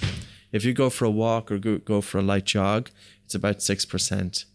If you do intense exercise, it's about 10%. Yeah. And if you do maximum physical exercise, it's up as high as 16%. Hmm. Now, if you have somebody with dysfunctional breathing, it even goes beyond that. So if you think of the oxygen that you're taking into your body, if you're wasting that oxygen unnecessarily by supporting inefficient breathing patterns, that oxygen then isn't getting to the cells, it's not getting to the muscles, and that imp- im- as a result, you're going to go anaerobically. Yeah. This can be all trained, you know, and I would say introduce two things into anybody's sport. Sit them down for five minutes, measure their BOLT score. This has been tested in terms of it was a paper in the International Journal of Sports Physical Therapy. They looked at a means of screening for breathing pattern dis- disorders in athletes. Up to 50% of athletes can have breathing pattern disorders. 50%. Any individual with a BOLT score of less than 25 seconds, there's huge room for improvement. The goal is to get to 40 seconds. So that's the BOLT score, which is the foundation. And then measure the maximum breathlessness test. Because you're, you need repeated sprintability um, with any combat sport. And in Tai Chi, I remember we were working with Master Jennifer Lee. She's got eight black belts, and she's a grandmaster of martial arts, which uh, are martial arts, which is a really good accolade. And she said during combat, traditionally, the judges are observing the breathing of the opponents, hmm. the competitors, And you lose points if your breathing is evident. And this is really coming back to the whole what was the foundation of breathing coming, say, two and a half thousand years ago? If I quote Master Chris Pei, uh, Master of Qigong, he said there are three levels of breathing. He said the first level is that your breathing is so smooth that the person next to you does not hear you breathe. The second level is that your breathing is smooth, that you do not hear your breathing. And the third level is that your breathing is smooth, so you do not feel your breathing. Efficient, optimized breathing. We have to be economical with our breath, and BJJ is no exception. And that's why the guys were doing a lot of the a lot of guys in MMA fighting have been experimenting with breathing. It's the one sport whereby they really have done it. Now they've done it with masks, Yeah. and the masks too can can um, impart an advantage. Traditionally, when the masks were coming out six years ago, it was all about their simulating altitude training. It was an absolute lie. So it was a lie because it's something that was never done by a mask. If you wear a mask alone, and we have our own masks, and Yeah, show it to the camera, I mean, like we have our own masks whereby you have a mask and you're placing it, and you have head straps, etc. But what does the mask do? Well, basically, you've got pooling of carbon dioxide in the mask. And this is designed to pool carbon dioxide so that when you breathe back in, you're carrying carbon dioxide from the mask into the body. So you're deliberately increasing it in the blood. Mm-hmm. And the other thing is, if I set the setting to high, that now I'm breathing against resistance. Darth Vader simulator. And that is adding an extra training load. So, nose breathing, we were talking about nose breathing being difficult during physical exercise. On the same pattern, the mask is difficult. So, nose breathing is causing a resistance to your breathing, mm-hmm. helping to improve respiratory muscle strength, helping to cause the body to adapt to higher CO2. The mask is the next level. Mm. That's what the mask was doing. Now, we do breath hold exercises with the mask on to simulate altitude training. So anytime, you know, anytime anybody is making a claim, oh, we can simulate altitude training, prove it. Wear a mask. If you wear a mask and just have normal breathing with pulse oximetry, your blood oxygen saturation doesn't drop. But if you wear the mask and you do breath hold exercises, then your pulse oximetry will drop It's the combination. It's all about yes ah. it is so the mask itself by itself is not simulating altitude training All right, Roger. Um, one last question, I think. Also, Yeah. looking at the time, Need to round um, is related to uh, something that I intuitively think has a connection, but I'm not sure, and that is posture and breathing. yes of course and like we don't put enough of an emphasis on posture because you're straightly up. Um, but you don't want to be slouched over because you think of sports whereby the, the cy- a cyclist and a cyclist is slouched over and as a result then diaphragmatic movement is impinged. Lung and as a result this is going to reduce lung volume. So there's a greater emphasis then on that athlete. But I think posture is, is important in terms of the the functional breathing pattern that you have intra adequate intra-abdominal pressure. And part of this is not just as an indicator that you have lateral expansion and contraction of the lower two ribs, but also that you're breathing in and you're breathing out fully. So what is intra-abdominal pressure? If you think of if you went to lift a weight, mm-hmm. you will unconsciously breathe in, hold your breath, and lift the weight after holding the breath on an inspiration. Why do you do that? Well, as you breathe in, your diaphragm pushes downwards. And as your diaphragm pushes downwards, the abdomen becomes like a pneumatic balloon mm-hmm. for stabilization of the spine to prevent it from buckling. So the generation of intra abdominal pressure is dependent on functional breathing but it's your posture. If it's slouched over, we're more likely to breathe upper chest. And if we're breathing upper chest, we're not breathing our diaphragm as effe- using our diaphragm. Mm-hmm. And if we're not using our diaphragm as effectively, our functional movement is affected. So I know there are people will criticize the functional movement screen. But 87.5% of people in one study who passed the FMS were diaphragmatic breathers. 87.5% FMS? Is the functional movement screen. Ah, so it's, yeah. it's a screen to determine um, functional movement patterns for sports. Hmm. So I think definitely, I think your intuition is correct. All right, got some work to do apparently. But some, but Yeah. um, the good news is some big gains to be had because if this has the impact that it that I think it has after listening uh, listening to all of this, the, the big benefits I see is way better sleep if I start doing this. I'm wondering if I should add the nose breathing to training right now because I would need to adapt. Do some of it. So what I would say to you is your competition is in what in four weeks. Well, his um, I got a little bit more time, but still, How many weeks? um, um, maybe till uh, when we're thinking February, March, maybe. Oh, you have loads of time. Yeah, absolutely. but he has to go in November. But so. what I would say is do fifty percent of your workout with the mouth closed. Oh, yeah. During warm up, no need to mouth breathe. During lower intensity stuff, keep maintaining nasal breathing to the point that it gets quite tough. Then switch to mouth breathing. Mm-hmm. You will still get that training load. Mm-hmm. So on one hand, you don't want to have a performance decrement so quickly. Yeah. So what I will say is, yeah, it's an extra training load. I'll give you the mask as well. It's an extra training load, so that will force the body to make adaptations, mm-hmm. and then you can switch to mouth breathing when the gears are too high. That you can go all out intensity with mouth breathing, so you get the benefit of both. Yeah, interesting. Interesting, man. Yeah, we didn't ask a lot of questions, so uh, you've been talking a lot. I talk a lot. This is good, man. This is Yeah, no, I love it. I, I learned so much. Um, you're gonna have to come back because we didn't touch half the stuff that I wanted to, but still, Right. um, like I said, um, there's a lot of benefit to be had here. Um, what I also found very, very interesting is um, the impact it had on uh, child development. Yes. I think that's uh, that's a really, really big Yes. one, and that needs to get exposed more. I think. Yes. I, I think. So. It it is huge, um, and you know it. This is all backed up, up by science. The science is all out there. Um, looking at the relationship between mouth breathing, poor sleep, ADD, ADHD, Yeah. and learning difficulties. Why are we exposing the child? Why are we putting children into school? 50, up to fifty percent are mouth breathing.